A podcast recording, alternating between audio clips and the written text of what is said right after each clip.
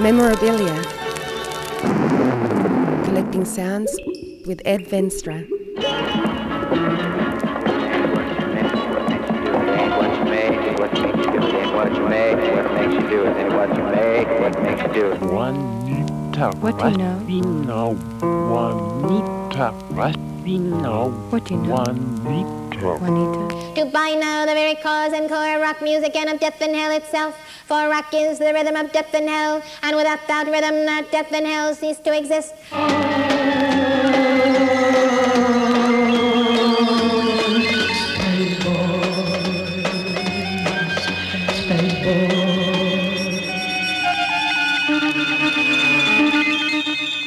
I started collecting, really collecting, uh, right before the 1980s. Um, my nephew introduced me to uh, psychedelic music, and I became hooked to uh, the Mothers of Invention, especially Frank Zappa. And when you collect Frank Zappa, it, it also means that you're coming into contact with different uh, kind of music, because unlike uh, what he later did, classical music, basically it was all kinds of music, it was surf music, uh, it was novelty, you name it, and he handled it. I tried very hard to collect everything he did, apart from the Mothers of Invention, during the time or even before the time. Those things were hard to get, and they still are, even with eBay and such. Zappa also recorded with people not from the music world. He did novelty recordings with uh, people like Burt Ward or Bob Guy, and those were very good records. And I decided, well, if those are very good records, why not explore the field a little further, trying to find more records by non-music, uh, non-musicians. And I went on from that until 1984, when we had VPRO radio, and they changed the field in the in the Netherlands completely.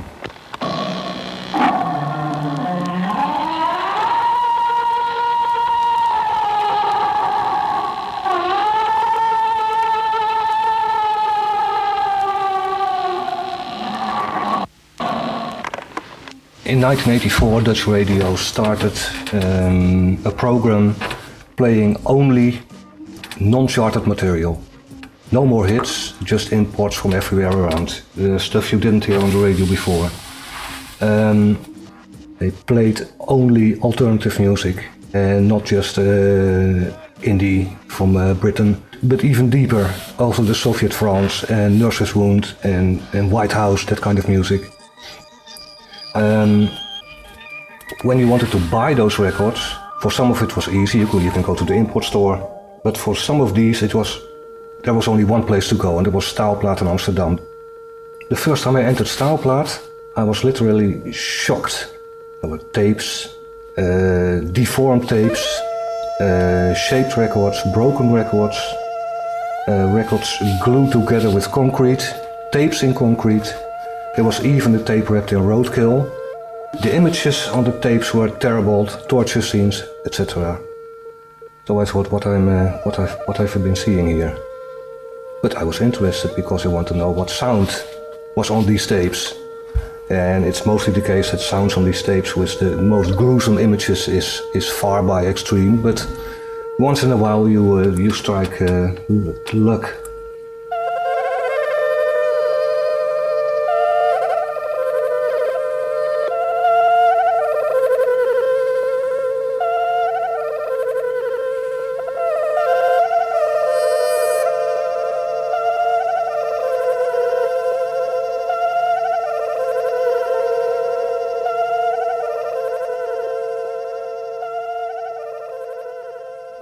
more being disappointed by the music on those tapes, I looked for the visuals. I thought, well, maybe, yeah, it looks nice. Let's see what, uh, how far they can go. So I collected everything with, with strange packaging, and they also had objects. And I said, well, that's it's nice looking on the wall, but uh, what are these? Well, I said, uh, these are records, yeah, but you can play them. Yeah, we call them records. It's called uh, entire records. And so I started collecting these. And then I realized that there were, they were of course not the only ones doing this, uh, selling these ones. You had uh, Ron Lessard in America, who runs uh, RRR.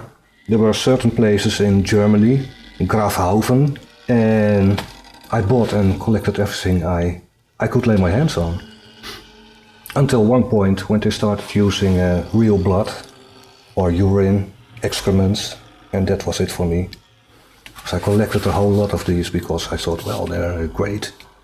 But uh, during very hot days, it was a terrible smell in the room. So I quit. And I dumped most of them in the trash can. Which is a pity because now there's a little museum dedicated to this kind of material. It's in Germany and it's uh, based on the writings of Günter Brus. And whenever you find a piece like this from the past with uh, shit on it or urine, you can always sell it to, the, to those people. And they are very happy with it.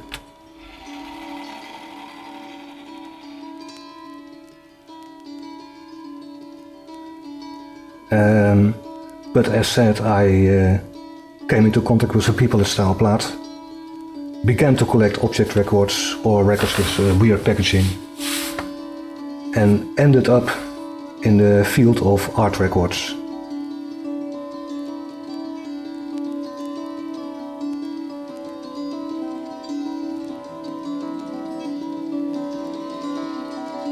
I never sleep.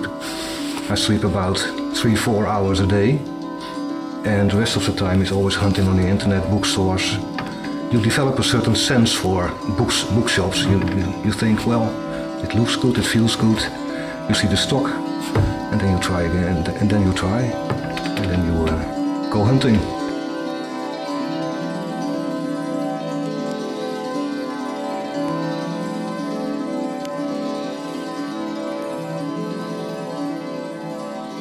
But um, there might be uh, definitely a social aspect uh, to this this kind of thing because it's not normal, and I realized it because I toned down, of course, but there there were periods when uh, I didn't eat because I couldn't afford it. I wanted to buy, I wanted to have a certain record, and it was so expensive I couldn't afford food, so I, I, I ate for three days nothing or just water or so.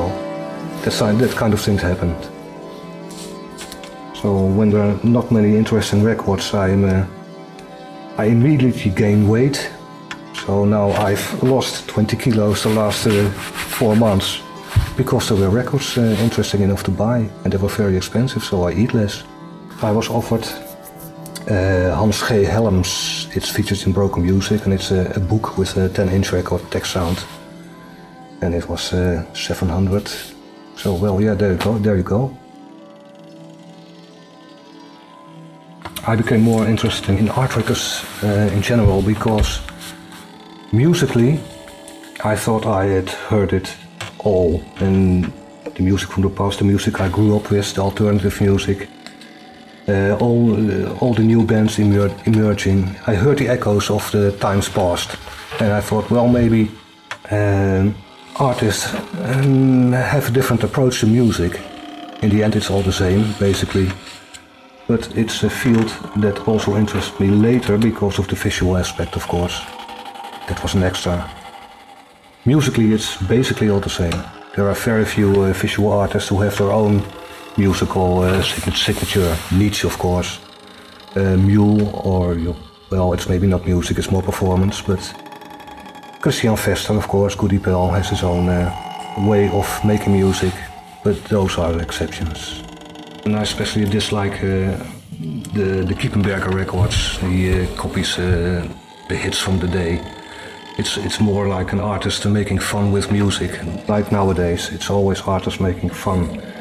And when you talk about artists, the artist, young artists of today, it's often the case that uh, they say, well, uh, I make music, but it has nothing to do with my visual work. And I think that's a bit of a pity because when I started collecting art records, it was for the fact that they are an extension of their work. And that's no longer the case. Well, there are some people, but not as much as there used to be. Uh, people, for, for instance, like uh, Theodoros, he was, he was a famous uh, artist in the 80s. And even I didn't know him, I met him uh, only last year. But he, he, worked with Beuys and all the Fluxus artists. But, but he said, Well, um, I made records, but I don't see them as records. They are visual objects it was just the case that I, I was working on a sculpture And I felt, uh, well, I needed some sound around it. So he, he made his record, and you can buy it from him, but you, but when but when you ask him, can I buy this record from you? He says, no, I haven't made a record, but I have some artworks, and then he presents his records. για να το νιώθουν όλοι και να τα αγγίζουν στην αιωνιότητα. Αιωνιότητα. Αιωνιότητα. Αιωνιότητα. Αιωνιότητα. Αιωνιότητα. Αιωνιότητα.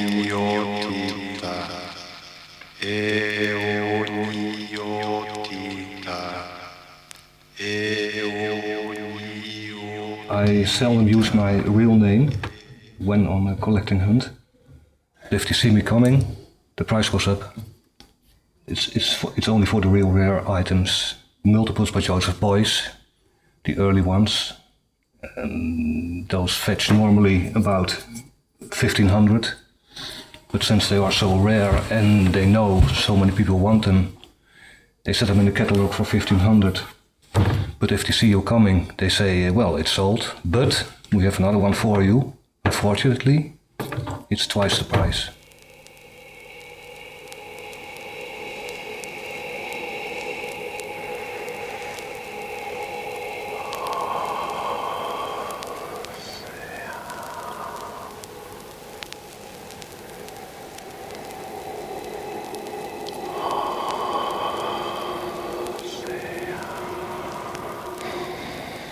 Through the internet or by telephone auctions. You can uh, call them anonymously. That's the way it works. In the art records, records world, other records are not so uh, problematic. It, it's, it's, it accounts mostly for uh, records that are published previous to the Broken Music catalog. The real rare ones are published before Broken Music, and they're impossible to find especially the ones not listed in broken music. Very famous, famous ones like uh, Roland Topor. Are certain uh, records by Topor that are not mentioned in broken music, and those are, uh, well, too expensive for most of us.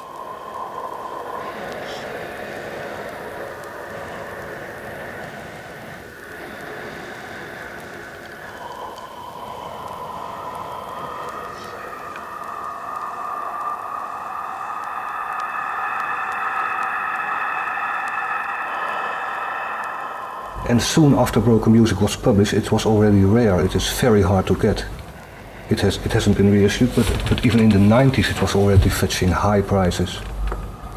But, uh, you, you, if you if you want to buy it now, it, it's four or five hundred uh, euros or so.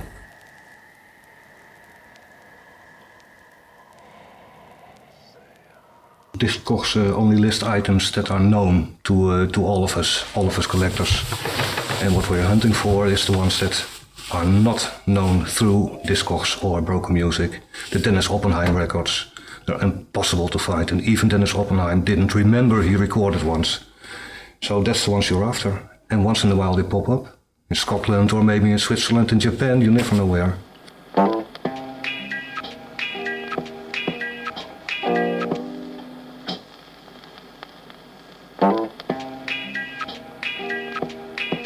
Japan is much too far for me.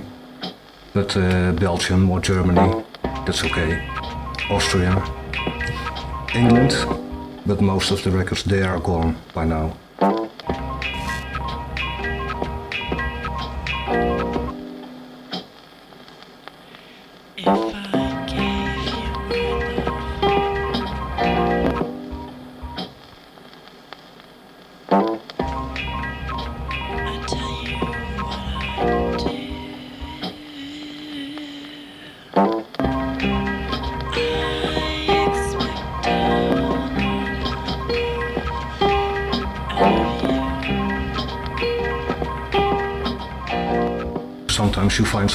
Antique books on the internet, but mostly it's uh, it's going uh, to to a certain city and look for the most obscure bookshop in the town, and you ask about. Uh, well, do you, do you have art catalogs or maybe is vinyl? Sometimes they say yes.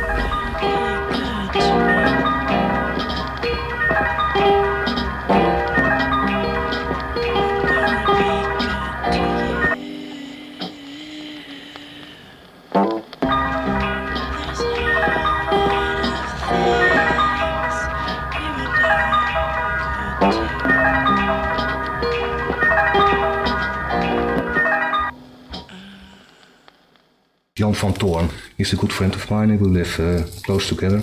We're about uh, 50 miles and we see each other once a month. But he started uh, in the 70s already. And he knows these artists. And it happened that when you visited Jan, you saw um, Henri Chopin sitting at a table. Or you see uh, a drunk gallery uh, owner or, or something like that. But most of the artists who record the sound visited Jan van Toorn to see his collection. It's, in, it's incredible. He has basically everything that's ever written down. Two copies of each, one signed, uh, one for the archives, but also a third copy because when he, he looks at an art record, he wants also also see the back cover at the same time. Dus he wants to see the front cover, back cover at the same time. So he has two, three copies of each. When I think I, I found uh, a, a very rare record, oh yes, he says, and he shows me the three, four copies. Terrible. Well, I, I was jealous, but I also realized it was never going to be. I wouldn't succeed in to to match his collection. It would never be. It's impossible. Meters, meters long, all everywhere. It's a, it's a bit like by for for every collector. As soon as you have it, the value drops immediately. The dream is gone a bit. When you have it, and well, there is it, and nothing more. Because what's on the record is usually very, uh, is not very attractive. It's just the fact that it exists make, makes me want to have it.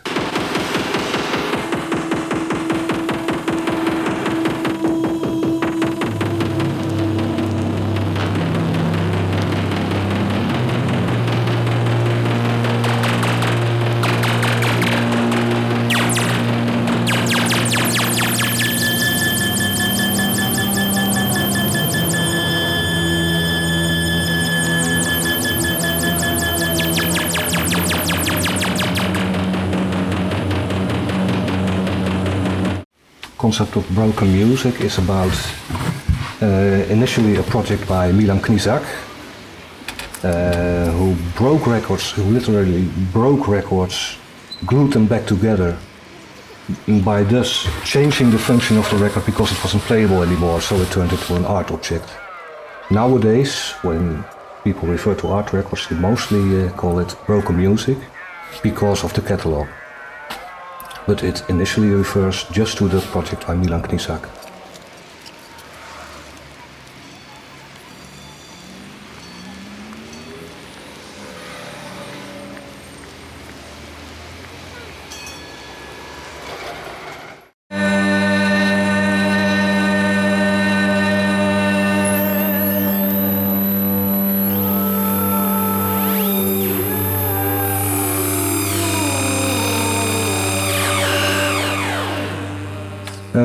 Origin of uh, art records, well, it's hard to tell. I'm an, a collector and not a theorist, but the earliest ones are probably made, well, they weren't considered art records then, but those were the recordings of uh, the futurists in uh, Russia. But it wasn't called an art record then, it was more documentation. And now we see it as an art record because it's an artist whose voice or whose work is on a record. And when when broken music appeared, it was basically the first time people called it art records. There were there were catalogs before, but it was not a, a real a, a- a real subject of collecting. And broken music turned everything around, and everyone wanted to collect art records at a certain time, especially the ones in broken music, which at that point already was impossible to find.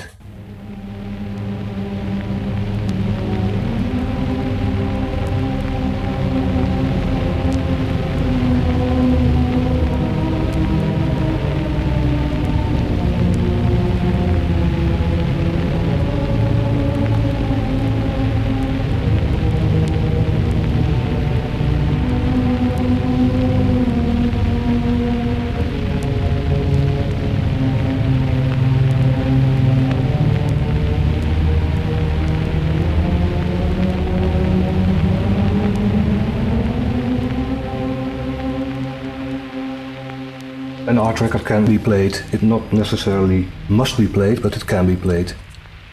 Uh, art records can be anything. It, can it can be an object record. It can be an anti record. Anti record. The only uh, you, can say it, it must have been made by an artist. That's for me an art, rec- an art record. It doesn't directly uh, refer to, to the visual artist, or it's just a musician trying to, uh, to make an object, maybe. And sometimes with uh, very good results, and sometimes it's terrible. But you can say this for artists as well, of course. Musicians want to be artists, and artists want to be musicians. And the, the results are often terrible, but sometimes they are wonderful.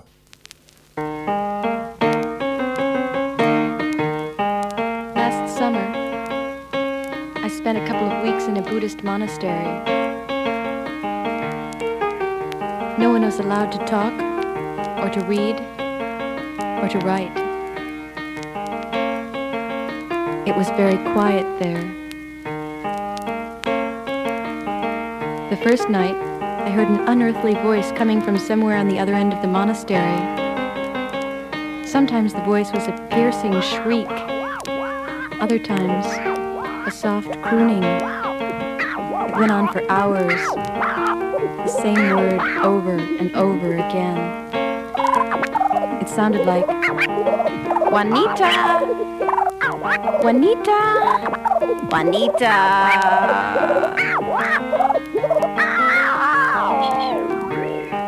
I couldn't imagine who Juanita might be, or why someone needed her so badly, or why she never answered such an obviously desperate call. Later, I learned that the word wasn't Juanita at all, anatta, the word for ego, the word for self. And this is a song for Juanita.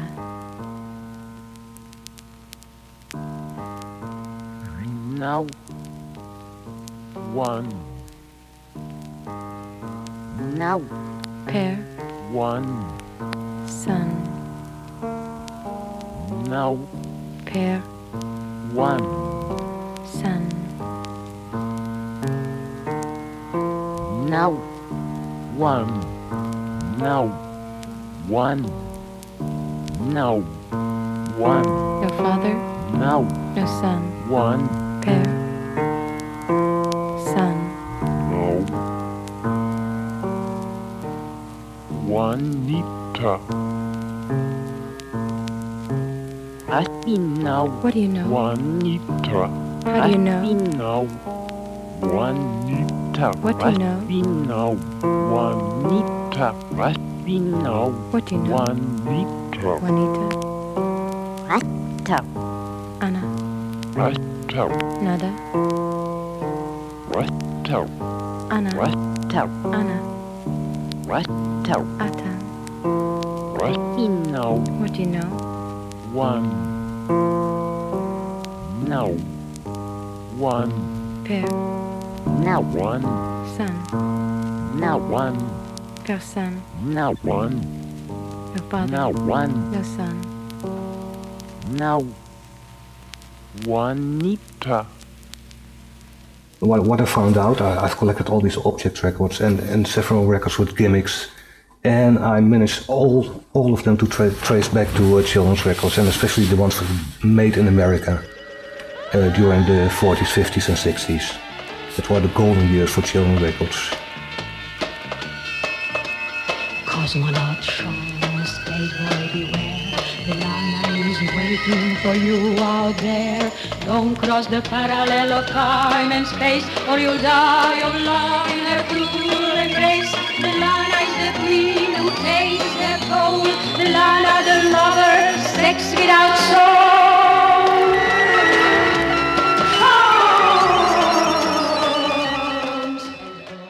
They did every kind of experimental stuff.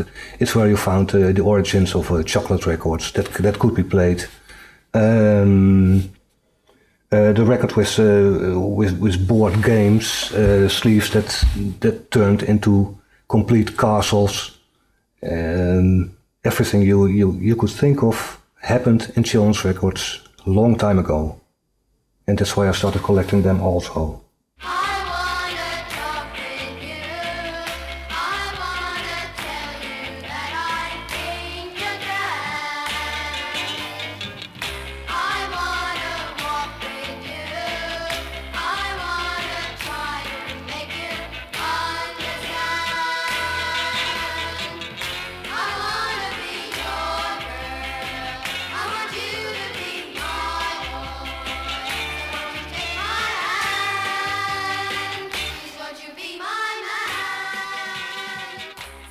In fact, the broken record of, uh, of Milan Knizak, it was done for children before.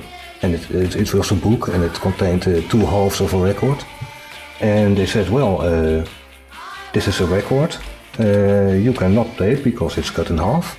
But take some glue and do it together and try to play it. So Milan Knizak wasn't original either. He meant a different thing with it, but the breaking of the record itself was done before in children's records. Artists who uh, maybe have a little more uh, feel for uh, the visuals tried these. Quite recently, Nate Young from AA Records. They did a coke mirror for cocaine and they put two sets of grooves on it and they overlapped and they couldn't be uh, played of course but I've seen it also in children's records. I, I thought it was unique but then uh, someone told me well uh, and showed me a record, a children's record it was exactly the same. And of course Nate Young, he, he didn't have to know about it of course because anyone can come to certain solutions that match another in a different part of the world or that can be uh, the case. But there, I, I'm always surprised that there are certain um, concepts in children's records that never made it to uh, the more serious uh, world.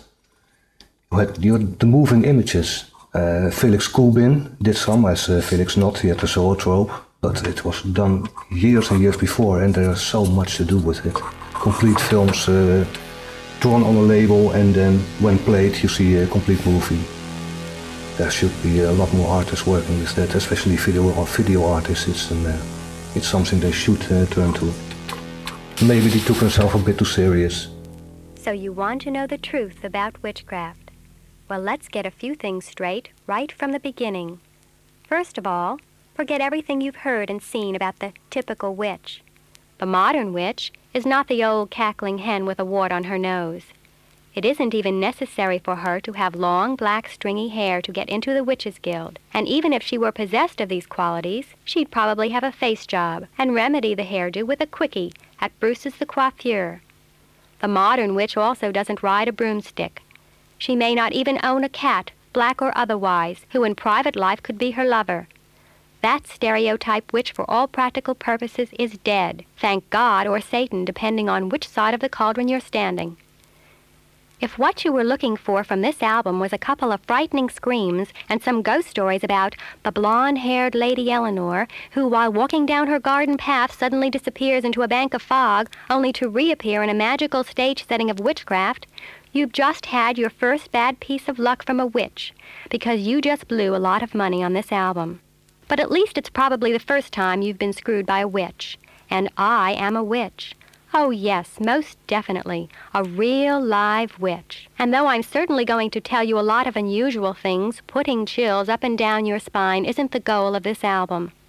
What I've got in mind for you is a trip into the witchcraft world, the modern witchcraft world, a world populated with normal looking, average acting people who just happen to be witches and warlocks, and who happen to have everyday dealings with imps and cadavers, poltergeists and spirits, potions and hexes, and it's all real. You say it couldn't be in this day and age? Don't kid yourself.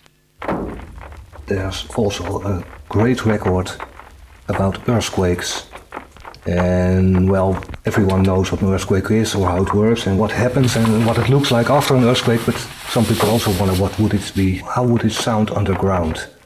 Well, 100 meters under your feet while the earthquake is going on. And you have a record, and it, it has those sounds of an earthquake going on and uh, how it sounds on the underground. But it also gives the opportunity for the listener to watch at the record, and at a certain point, uh, the record has a, a, blank groove, and you think, well, what's happening here?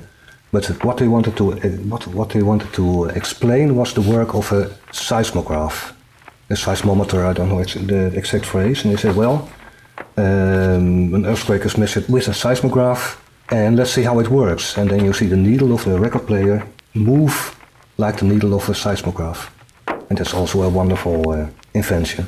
I've never seen it anywhere else. But I, I can imagine that, that an artist could make a record where the, the needle of a record player functions as a drawing pen or a pencil maybe, so it makes movements on the vinyl.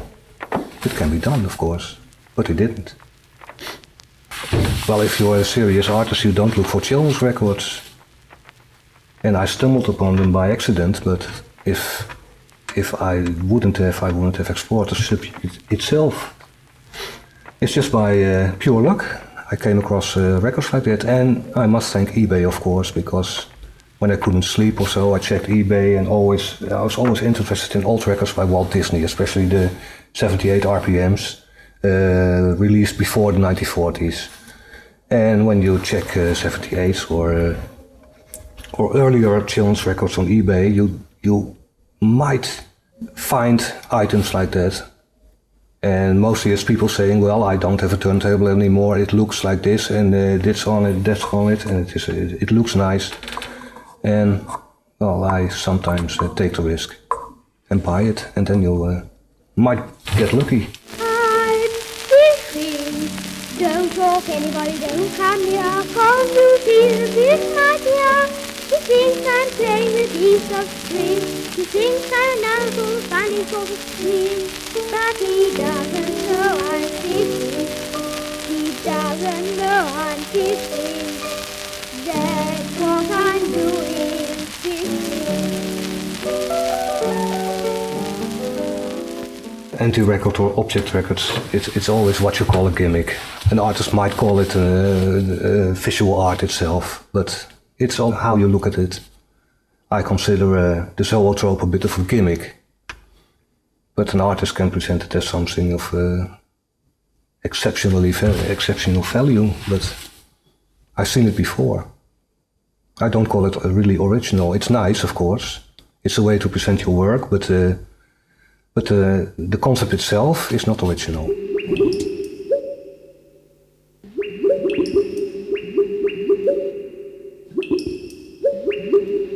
There is one I don't have and I haven't seen for sale.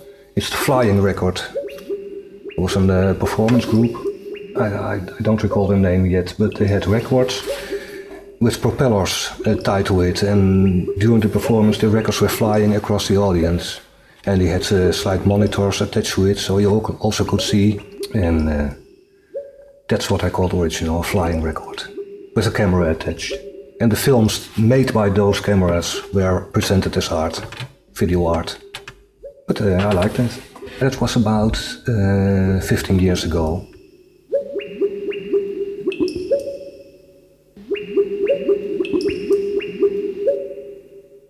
Well, there are records that are still playable, of course. But the best ones are records that seem to be playable but aren't. So when you see a record with a square record with square grooves, you always have the idea, well, if I uh, with four record players maybe, uh, I can play it still, but it never works. And that's that are the great ones. Uh, records that you think you can play, but aren't playable at all. There are records made of marble or stone or or wood even that can be played, but a vinyl record with square grooves can't be played. That's the attractiveness of it all.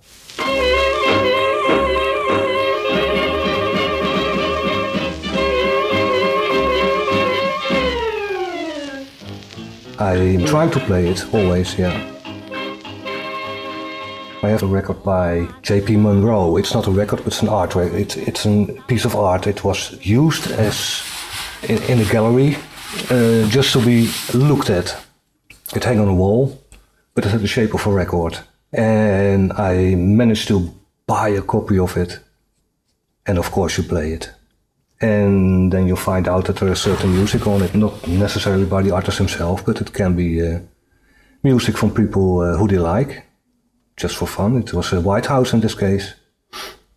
And William Bennett didn't like it because I tried to sell one on eBay and he tried to sue me for it, for selling a bootleg. But then you then you question, yeah, well, is it a bootleg? Is it if it is meant not to be listened at? I don't call it a bootleg. I think a bootleg is something some, uh, someone wants to make money with, but this was pure an object to look at, not to be played. So I called it an anti record as well.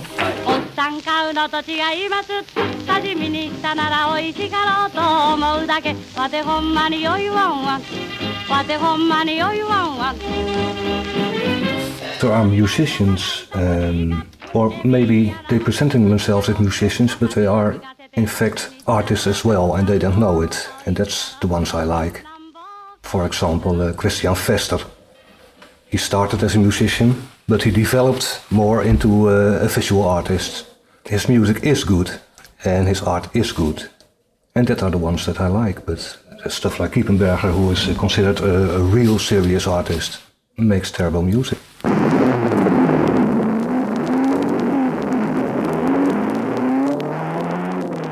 Always hated uh, Martin Kippenberger, everything he did.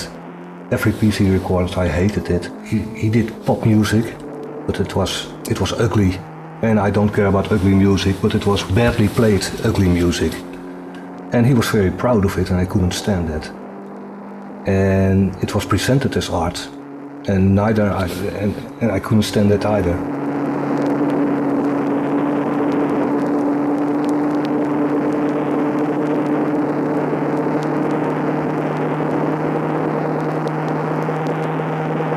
Well, broken music does have a lot of like records that directly uh, connect to the work of the artist himself, but there are records, of course, like the Kippenbergers, the Albert Oehlens. They make records just for the music itself.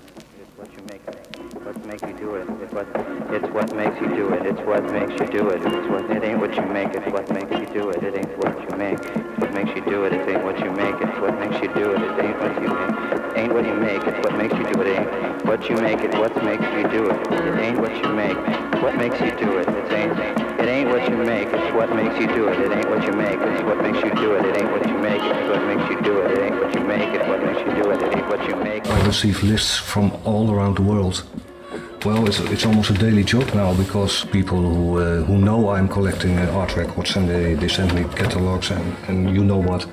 And I have to read them because I am so scared that I miss something. And I, I, I want to include everything in my book, everything ever released. It's impossible, but you, you can at least try to do.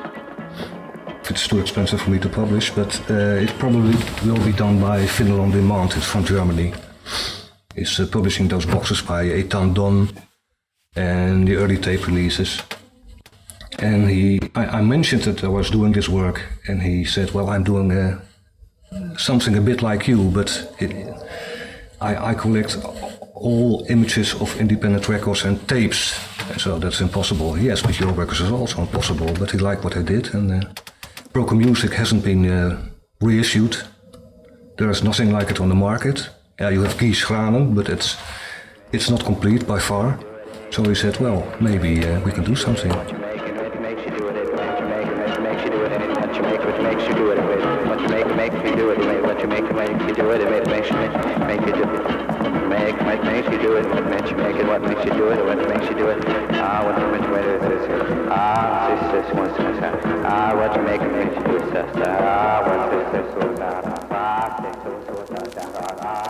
One of my hardcore collector friends um, met a girl and he liked her and she said, well, I wanted to have a baby. He said, okay, but I only give you 100 euros a month for the baby because the rest I have to spend on records. And she agreed. That's the disease. Sick. I think it's a bit compulsory. It's kind of an... Uh, I, I know it's a bit of a disease. But I've seen terrible uh, things with collectors